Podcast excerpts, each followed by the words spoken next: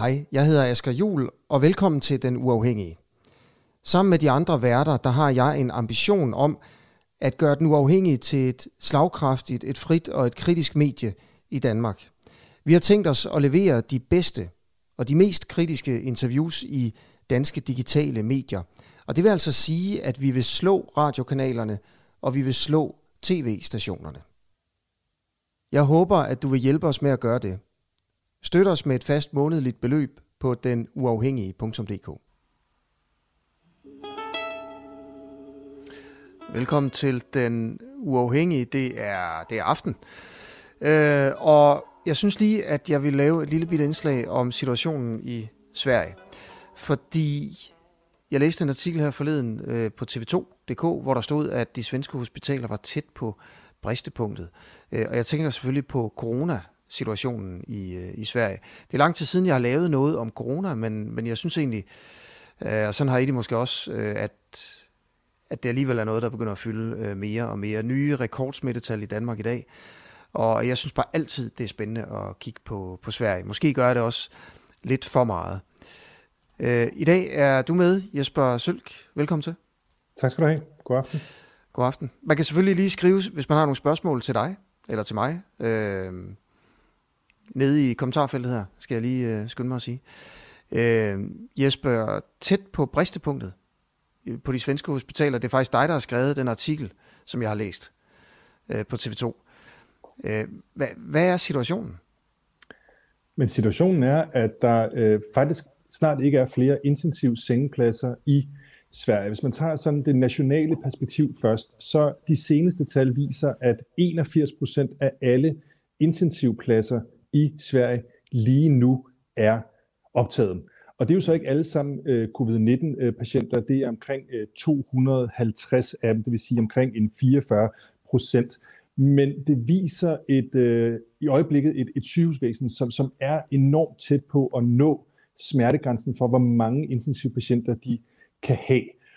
Og hvis man så, så kigger øh, regionalt, blandt andet her i, i Stockholm, hvor jeg er, jamen så har øh, lægerne, sygeplejerskerne her i Stockholm fået at vide, at lige nu er de på 99% kapacitet. Det vil altså sige, at der er faktisk ikke flere ledige intensiv sengepladser. Og det betyder så ikke, at man sådan set ikke har kapacitet eller senge eller, eller maskiner til at øh, åbne flere intensiv sengepladser. Problemet er, at man ikke har personale til det. Man har simpelthen set en bølge af opsigelser, af sygemeldinger, mm. specielt fra sygeplejersker, som simpelthen har haft en øh, så hård øh, omgang her, øh, specielt hen over foråret, som kommer oven på en række problemer, der allerede var i det svenske sygehusvæsen. Øh, så man har ikke personale i øjeblikket til at, øh, at gå meget længere, end man gør nu her. Og det er altså en af de ting, som man står overfor på et tidspunkt, hvor vi stadig ser, ser en stor smittespredning, hvor man stadig ser flere og flere, der bliver syge. Det er ikke under kontrol over. Okay, så det er altså en stigning øh, i, øh, i Sverige. Øhm, jeg tror simpelthen lige, at mit billede er, er hoppet af, men jeg tror, du er meget sort her. Ja, jamen, det er også fint nok. For der, så kan man jo bare høre dig. Det, det, er, også, det er også helt fint. Må jeg sige, Stefan Löfven, den, øh, den svenske statsminister, han sagde faktisk, at det ville blive en meget mørkt vinter her i, uh, i Sverige. Så. Ja, og så var det i Danmark, det blev mørkt først. Men jeg kan jo bare fortsætte interviewet. Øhm, 99 procent belagt i Stockholm. Jeg synes, det er et mærkeligt tal. 99 procent. Jeg, jeg læste også den artikel, jeg tror, den var fra i går eller i forgårs måske. Øhm, Hvordan kommer man frem til 99 procent? Det ved jeg ikke. Øh, jeg ved det ikke. Altså, det, det præcise antal øh, sengepladser, som øh, var brugt på intensiv afdelinger i Stockholm øh, området, altså i Stockholm regionen, var 98 øh, her, øh, da, da jeg skrev artiklen. Og øh, hvordan det så passer med 99 procent, det ved jeg simpelthen ikke. Men altså pointen er, øh, som, som de også har fået at vide faktisk i, øh, i dag igen, jeg har været i kontakt med en sygeplejerske her faktisk bare øh, et par timer siden, som, mm. som skrev om et, øh, et krisemøde, de har været på. Det var, at der er i øjeblikket ikke øh, flere ledige sengepladser. Ikke fordi de ikke kan åbne flere, det kan de faktisk godt tilbage i øh, foråret. Der havde man omkring 400 øh, intensiv sengepladser mere, end man har åbnet nu her. Det er omkring en, en 40 procent mere, end man har i, i dag. Men problemet er, at man mangler personale, og, og hende, øh, sygeplejersken, som jeg skrev med, hun øh, forklarede, hvordan at de blev ved med at få sms'er og opkald om at gå ind og tage ekstra vagter, fordi der i øjeblikket ikke var nok her til aften. Der manglede de på det ene sygehus, øh, på intensivafdelingen, øh, to øh, nattevagter, som ikke var besat på nuværende mm. tidspunkt. Og det er jo altså til patienter, som, okay. som er derinde allerede nu her. Okay, i øvrigt, det her det er jo også det samme, som der er blevet advaret om af en dansk overlæge i går. Øh, en dansk overlæge i Aarhus, der siger, at, at måske bliver flaskehalsen ikke respiratorer og sådan noget, men det bliver simpelthen personale. Altså. Øhm, den negative konsekvens af det her, som det er lige nu, altså øh, er der, er der dårlige behandlinger af, af, af patienterne, eller klarer man det stadig fint nok ved bare at flytte lidt rundt øh, til de steder i Sverige, hvor der er plads? Øh, altså, der er flere problemer i det.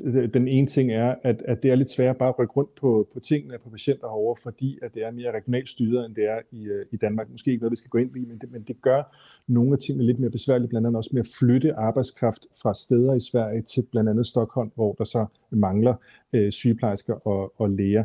Øh, det, som øh, sygeplejerskerne siger, jeg kan tage et eksempel, Mathilda Nygren, som også er med i, øh, i artiklen, det er, at hun beskriver en, en hverdag, hvor det er lidt som at arbejde på en menneskefabrik. Øh, altså, at øh, patienterne har ikke mere navne, øh, sygeplejerskerne og lægerne kalder dem ikke, hvad det de jo egentlig hedder, øh, men i stedet for som nummer et, nummer to, nummer tre, fordi at de ligger på de her rækker, og, og det er kommet til et sted, hvor, hvor det er så meget en maskine, de er i gang i, og det eneste, som, som rigtig mange af dem, der arbejder derinde, har overskud til, det er at gå på arbejde i det tidsrum, de nu skal, og så gå hjem og, og sove. Øhm, ja. så, så det bliver sådan en meget tom følelse. Øh, hun beskriver også, hvordan at øh, hun her den anden aften øh, var på arbejde med en øh, relativt ny sygeplejerske, som ikke har været sygeplejerske i mere end et års tid på nuværende tidspunkt. Øh, hun arbejder nu på intensivafdelingen. Hun havde grædt halvdelen af sin vagt, den her nye sygeplejerske, fordi hun ikke følte sig i stand til at... Øh, jamen simpelthen passe sit arbejde på tilfredsstillende vis. Hun følte sig ikke i stand til at være der for patienterne på den måde, som hun egentlig godt vidste, hun, hun skulle. Det Mathilda, vi ser øh, her, øh, ja. Præcis. Øh, sygeplejersken. Øh, så, så Mathilda, udover at skulle passe sit, sit arbejde, hvor hun allerede var, var ret presset på den her vagt, så skulle hun altså også bruge halvdelen af vagten på at trøste den her relativt nye kollega, som aldrig havde fået lov til at være ny sygeplejerske og ligesom lære på jobbet, fordi at hun var startet midt i en pandemi. Lad, lad os lige prøve at høre, hvad øh, hende, du har interviewet, siger.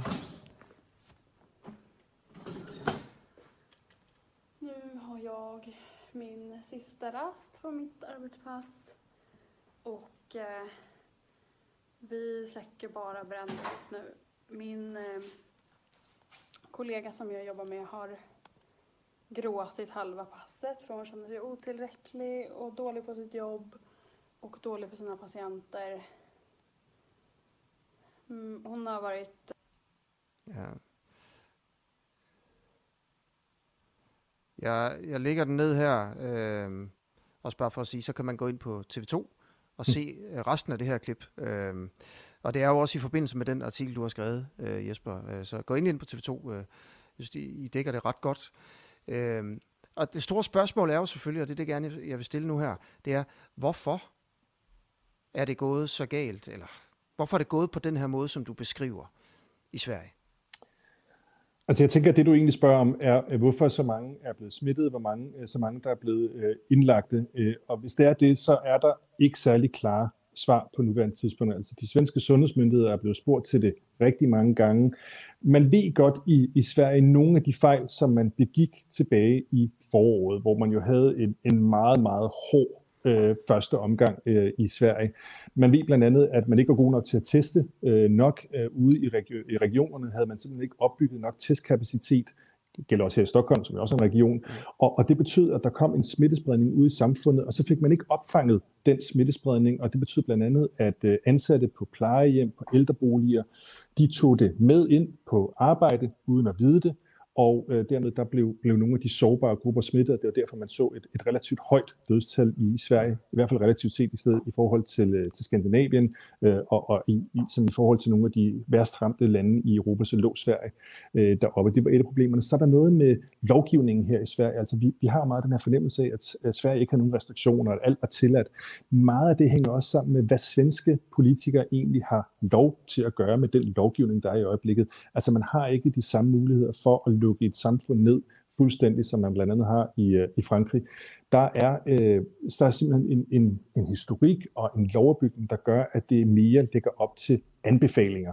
At øh, man anbefaler en ageren øh, fra den svenske befolkning, og så prøver man at se, om man ikke kan få det til at følge. Det har også noget med kulturen at gøre herovre, men det er sådan nogle af de ting, hvor man ved i øjeblikket, at man har nogle problemer. Man kunne godt have brugt nogle flere lovgivningsmæssige værktøjer øh, simpelthen i, i Sverige, det man så vil ændre på, men den pandemilov, den kommer nok først til, til at træde i kraft til marts næste år. Okay. Ja, fordi lov, det kan man jo lave jo. Ja, Altså, men det er øh, jo det, det, er jo det, det tager noget tid. kan lave.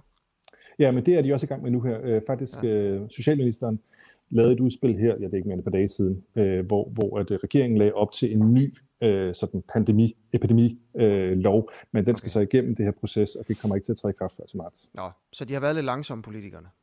Altså, for de Øh, kunne jo på- godt have gjort det i foråret, jo. Ja, på nogle områder. Ja, på nogle, på nogle og problemet er jo, at, at, at der er også rigtig meget, som, som er uklart øh, på nuværende tidspunkt. Altså, jeg har dækket det her siden øh, øh, foråret. Jeg, kom tilbage fra USA til Sverige lige da pandemien øh, startede, og har dækket det hele vejen igennem. Og et af de ting, der stadig står uklart for mig, det er, hvordan kunne det egentlig være, at Sverige blev så hårdt ramt til at starte med øh, i forhold til, øh, til Norge og Danmark. Og så kan man sige, at det åbenlyse svar er, at jamen, Sverige holdt åbent, og man kunne stadig købe en fadøl øh, herovre. Øh, men, men det forklarer bare ikke alt, for når man kigger tilbage på nogle af de tal, øh, på hvordan svenskerne agerede relativt set i forhold til danskerne, så er der faktisk ikke store forskelle. Målet var det samme, at begrænse smitten. Det vil sige, at folk skulle arbejde hjemmefra. Hvor arbejdede de mere hjemmefra? Det gjorde de faktisk her i Sverige.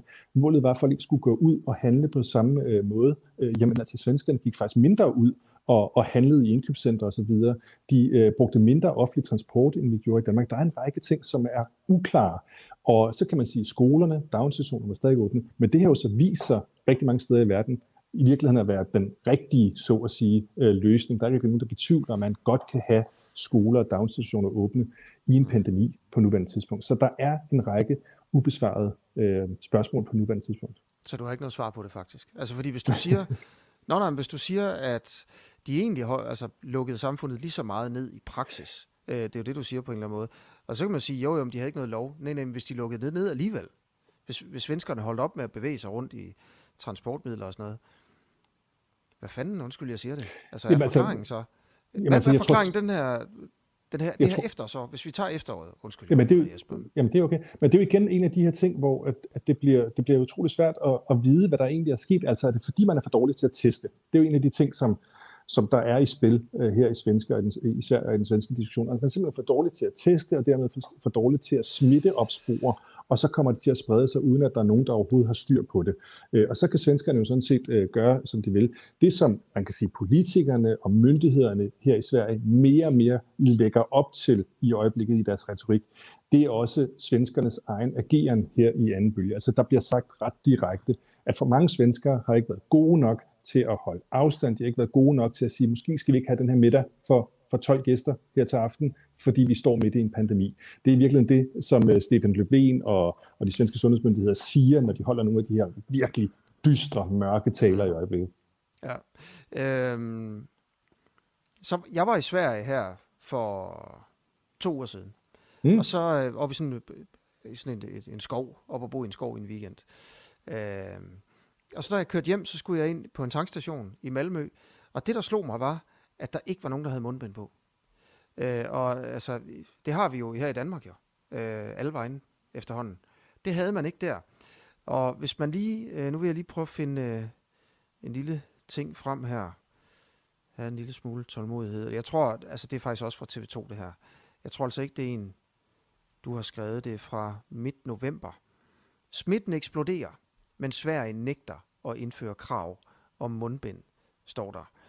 Øh, der er ingen videnskabelig grund til at indføre krav om mundbind, mener den svenske statsepidemiolog Anders Tegnell. Det er jo ham, øh, det er jo Sveriges Søren Brostrøm. Øh, og prøv lige at høre, hvad WHO siger til det. Time round, uh, Sweden has begun to implement and ask its population to do even more uh, in terms of behavioral, behavioral adaptation, and it has added into that some mandated uh, measures. Uh, WHO's advice uh, regarding mask wearing, I, I think, is, is, is, is quite clear. Masks work. Masks work in particular environments where you can't maintain physical distance, where you're in a crowded setting. In all of these situations, countries are on a journey and countries are trying to use the data as best they can to protect their populations. These uh, decisions are made in good faith. Uh, they are evidence based and they represent the considered view uh, of people who advise on, on, on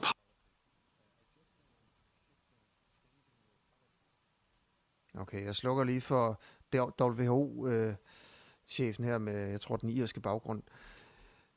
Der har du en forklaring, Jesper. Ikke? Jeg ved ikke hvorfor, men ham der Tegnell, han tror ikke på, at mundbind virker, når alle andre ligesom har, har købt den. Ikke? Det er ikke helt øh, det, han siger. Tegnell er blevet spurgt til det her, altså cirka øh, 2.600 gange øh, efterhånden. Og, og, og det, han siger, det er øh, lidt ligesom vi hører fra WHO. Det er rigtigt. Altså mundbind øh, virker jo helt åbenlyst øh, i de rigtige øh, sådan, forbindelser, hvis de bliver brugt korrekt. Og det er det, der er pointen øh, fra de svenske sundhedsmyndigheder. Her siger man, at på den måde, som de bliver brugt ude i samfundet, det vi ser, altså folk rører ved maskerne, de uh, tager dem på og af, de bruger engangsmasker flere gange, alle de her ting, som, som vi ved gør eller mindsker effekten af dem. Hvis, hvis, hvis det er det, som øh, der, der sker, og det er det, som alt tyder på, at det er sådan, folk bruger det, så er det en falsk tryghed, så har vi ikke noget evidens, det er det, de ser, det er ikke det, jeg siger, altså det er det, de svenske sundhedsmyndigheder argumenterer, så har vi ikke noget evidens for, at, at mundbind er særlig effektivt i bekæmpelsen af smittespredning. Mm. Så bliver det en falsk tryghed, og der er de sådan mere traditionelle råd langt mere effektive, herunder specielt at holde afstand, mm. vaske hænder og alle de her ting, vi har hørt til, til døde efterhånden. Det er deres argument, de siger, at altså på den måde, som det fungerer øh, i mm. virkeligheden, den måde, som folk reelt bruger det, det virker det ikke. Hvis du er læge, sygeplejerske er inde på en afdeling øh, og bruger det korrekt, så er det naturligvis effektivt. Det har vi jo set masser af gange. Så grunden til, at de ikke har mundbind på på den der tankstation i Malmø, hvor jeg var for to år siden, øh, hvad er det? Er det, at politikerne har været for langsomme til at lave en lov, så de rent faktisk kunne bestemme, at man skulle gøre det? Eller er det, at Anders Tegnell han ikke øh, tror på, at det virker, at vi almindelige mennesker har mundbind på, når vi er inde på en tankstation? Altså det umiddelbare svar, det er nummer to, det er, at de svenske sundhedsmyndigheder ikke anser det for et mm. særligt effektivt middel mod at bekæmpe øh, smittespredning. Altså, ikke kan man sige ligegyldigt, om, om de så kunne lovgive sig ud af det, eller om det skulle være en anbefaling. Altså, hvis svenskerne fik at vide, i, I skal gå med mundbind øh, ind i alle butikker øh, osv., så skulle de nok gøre det. Øh, altså, det er ikke, øh, det, på den måde er de ikke sådan det, det store, de er et frihedselskende folk øh, på, på, på, mange måder, men de er ikke sådan, de er ikke ude i USA, vel, hvor der kommer til at være en stor krig omkring det her. Øh, så skulle de nok gøre det, så, så det vil de nok løse det. Det er simpelthen fordi, at, at på nuværende tidspunkt, stadigvæk, til trods for den diskussion, der er i hele verden, øh, så mener de svenske sundhedsmyndigheder ikke, det er en, en effektiv tilgang. Okay, for, der er flere, der spørger ind til det her med... Øh at, at der er rigtig mange mennesker på de svenske intensive afdelinger med corona. Du nævner i Stockholms området øh, er belægningen 99 procent. Overall, der er den over 80 procent. Øhm, Alex spørger her, har Sverige en plan B, hvis presset på sygehusene stiger yderligere? Øh, ja nej. Øh, hvis vi tager nogle af, af sygeplejerskerne og lægerne først, som, som er ved de her krisemøder, interne krisemøder, og, og så snakker med mig efterfølgende, så siger de, at den plan, som de hører, det er, at øh, vi skal holde ud med de ressourcer, vi har. Og det vil sige, det er altså en, en arbejdsstyrke, specielt blandt øh, sygeplejerskerne, som er, som er virkelig den gruppe, som er, som er hårdest presset, hvor vi har set virkelig mange sygemeldinger, hvor vi har set rigtig mange gå ned med stress. Mathilde, som vi mødte øh, lidt tidligere, har faktisk også været sygemeldt i en, i en længere periode, men noget, der mindede om sådan posttraumatisk stresssyndrom, altså nogle af de her ting, som også soldater kan opleve. Øh, det var noget af det, hun havde en øh, sådan begyndende tendens til, det det vi har set flere gange. Jeg fik faktisk en sms, jeg skrev den lige ned øh, her, inden vi gik, gik live. Jeg fik en sms fra en anden øh, sygeplejerske, Sara, som jeg fulgte tilbage i, øh, i foråret. Hun har sagt op, øh, simpelthen en af, af 28 på hendes afdeling. Øh, og det hun skrev til mig, det var, at jeg orkede ganske enkelt ikke med følelsen af at være så lidt værdsat og knokle så hårdt for så lidt penge. De øverste chefer er jo fuldstændig ligeglade, uanset hvad de står og siger i medierne. Altså det er simpelthen det indtryk, mange af de her sygeplejersker og læger har, at de ikke bliver værdsat, at der er sådan en maskine, der bare kører, og der ikke er en plan for, hvad der skal ske, hvis at, øh, at, at, at den her stigning kommer, og det er det, vi står med nu her. Så er der så også nogle andre, øh, sådan, øh, vi kan lige tage dem hurtigt. Altså, der, er nogle, der er nogle ting, der bliver sat i værk her. I Stockholm for eksempel, der har man spurgt ud i de andre regioner, om, øh, om man kan låne personale, det er sådan første skridt. Man har ja. faktisk også gået til militæret øh, her i, i Sverige og spurgt, om man har ekstra ressourcer, så man kan frigive, det vil altså sige militærlæger, militærsygeplejersker, som måske kunne komme ind og arbejde på, øh, på de ja. stokholmske sygehuse. Det er nogle af okay. de ting, som man er begyndt at kigge på. Okay, så det er nogle af de plan B'er, der er. Mm. Øh, så er der yes, også et spørgsmål. Ja, øh, Christina Jun her vil gerne vide øh, om antallet af udskudte operationer. Og hele debatten her med, at, at når der ligger mange med corona, så er man nødt til at nedprioritere andre patienter i sundhedsvæsenet. Ikke? Det sidste tal, som Christina så her, øh, var fra i sommer, hvor 185.000 patienters øh, operationer var blevet udskudt. Øh, men hvad er det nu?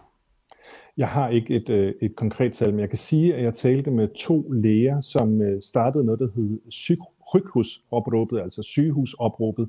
Og det gjorde de faktisk lige inden øh, pandemien, og det gjorde de som en, en form for protest over de besparelser og det arbejdspres, der allerede inden pandemien var på de svenske sygehus. Det var specifikt, øh, de startede ud fra noget, der hedder Södra sygehus her i, i Stockholm.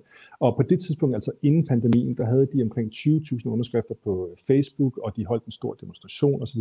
Der snakkede jeg med dem øh, her i, øh, i sidste uge om, hvordan de så det øh, på nuværende tidspunkt. Og en af de ting, de pegede på, lidt som, øh, som Christina her er inde på, det var den arbejdspukkel af operationer, af udskudte øh, behandlinger, som de skubbede foran sig nu her. Så ikke nok med, at man ligesom gik på knæene i forhold til overhovedet at overkomme den pandemi, der var nu her. Så et af de helt store problemer, en af de helt store frustrationer, som de havde, det var, at man samtidig vidste, at når så pandemien på et tidspunkt forhåbentlig er overstået, så har man altså den her massive mængde af, af ting, der stadig skal, der skal klares, og som ikke er blevet øh, klaret på nuværende tidspunkt. Og den er altså siden øh, det her tal formentlig kun blevet, øh, blevet større. Altså der er ikke noget, der tyder på, at de skulle have ligesom, barberet noget af den af. Okay. Nå, men, øh, men Jesper, jeg, jeg ved sgu ikke, om øh, der lige er mere, jeg skal spørge om her. Jeg tror bare, jeg stiller et til spørgsmål. Noget, jeg ikke kan forstå, det er, du dækker, du dækker det her corona rigtig meget, ikke? Jo. Det er ligesom det, man gør, når man er, er korrespondent for tiden, og måske endda især i Sverige. Og du kan ikke svare på, hvorfor at, at der er flere, der dør af corona i Sverige, hvorfor der er, er mange flere syge, og hvorfor overbelægning, eller hvorfor belægningen på intensivafdelingerne er så høj i Sverige i forhold til Danmark. Jeg synes, det er ret vildt, du ikke har et svar på det. altså, fordi hvis de fleste andre korrespondenter, hvis man for eksempel tager en øh, amerikansk korrespondent på, hvorfor er det højt lige i den by? Jamen, det er jo, de kom lidt sent i gang med et eller andet, eller... Øh, det kan man jo, det kan alle korrespondenter svare på. Øh, hvis, hvis du i Norditalien, ikke? Jamen, hvorfor det? Jamen, altså, de kom også sent i gang, og folk tog det ikke så seriøst i starten, og det var måske også det første sted, og du kan ikke svare på det. Mm. Jeg synes, det er mærkeligt. Kan du ikke prøve at sige noget mere altså, om det, det der?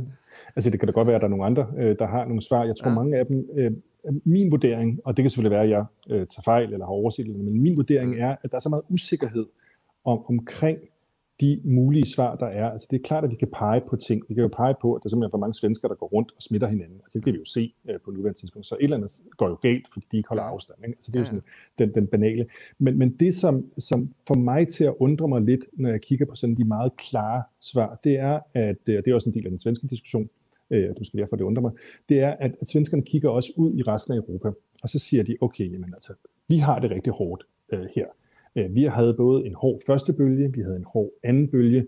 Der er nogle grunde, som vi kender. Der er også nogle grunde, vi ikke kender. Blandt andet, hvordan kom smitten ind? Hvilke områder ramte den først? Øh, hvad skete der ligesom øh, tidligt? Altså fik vi en masse skiturister hjem, som så gjorde, at vores første bølge blev virkelig voldsom, fordi smitteopsporing osv. osv., osv. Ikke? Men så kigger de ud i resten af Europa, og så peger de blandt andet på et land som Belgien.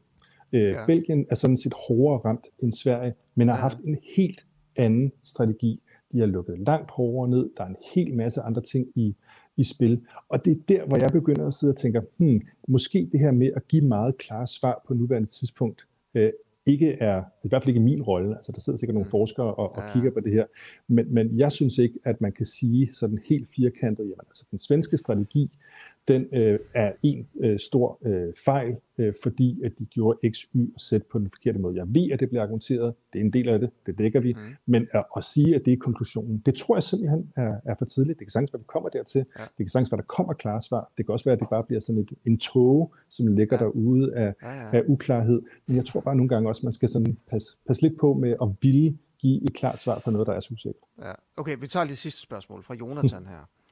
Hvad er befolkningens holdning til det her? Øh, bakker de op om, øh, om Tegnell? Kan man svare på det?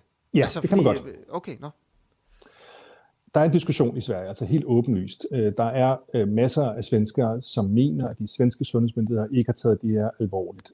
Nogle af dem er jo også de sygeplejersker og læger, som jeg har snakket med.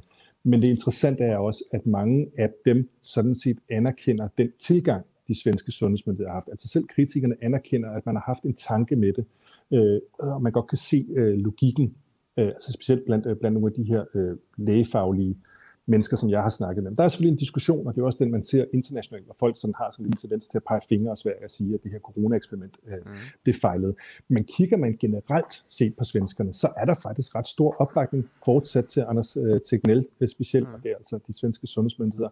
Øh, der var en, øh, en måling, der blev foretaget for det et par uger siden nu, så det selvfølgelig være, den har ændret sig en lille smule, men for et par uger siden, der lå han altså på omkring 70 procent øh, opbakning, Anders Tegnell, til det arbejde, han havde gjort. Og så bare lige en sidste kuriositet.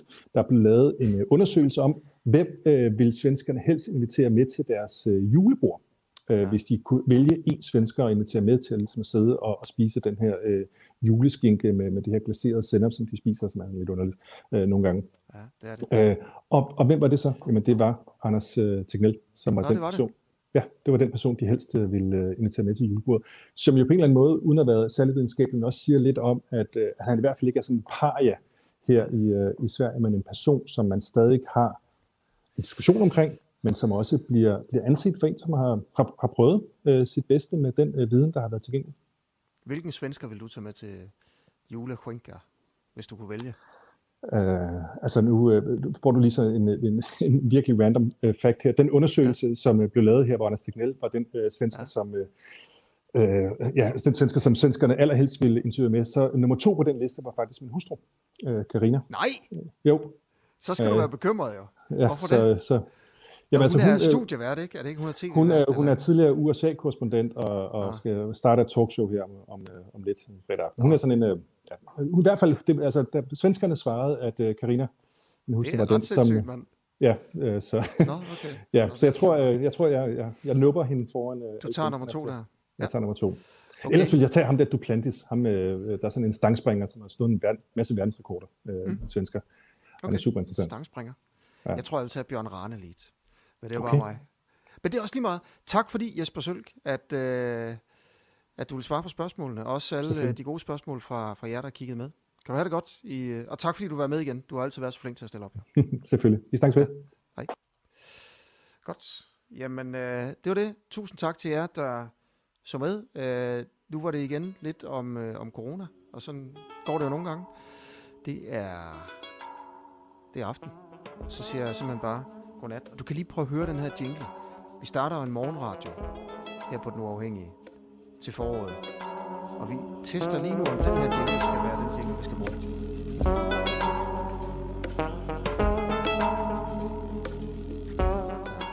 Nu vil vi se. Nå, uanset hvad, tak for det.